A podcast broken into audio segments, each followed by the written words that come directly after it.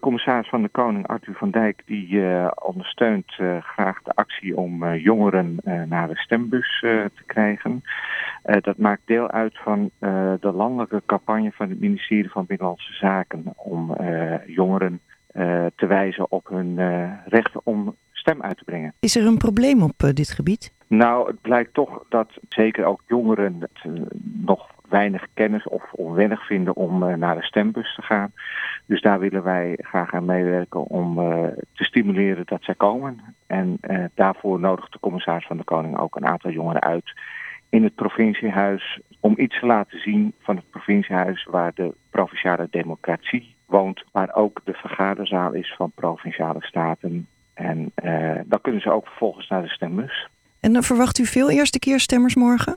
Uh, nou, een uh, aantal jongeren hebben zelf het initiatief genomen uh, aan het Rudolf Steiner College in Haarlem om aandacht te besteden aan het stemmen door jongeren, first time voters dus, die de eerste keer gaan stemmen.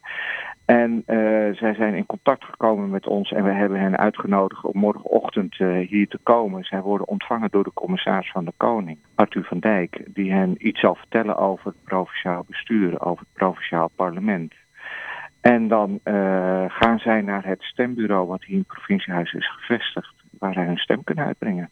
En uh, wanneer is dit initiatief wat u betreft geslaagd? Dat is geslaagd als uh, ook maar enkele jongeren uh, ertoe overgaan om hun stem uit te brengen.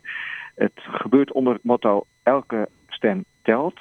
En dat doen we dus ook richting jongeren. Ook omdat jongeren gebruik maken, veel gebruik maken van de sociale media. En daar zetten we dan bijvoorbeeld ook de hashtag welke stem telt voor in. Heel veel succes morgen. Dank u wel.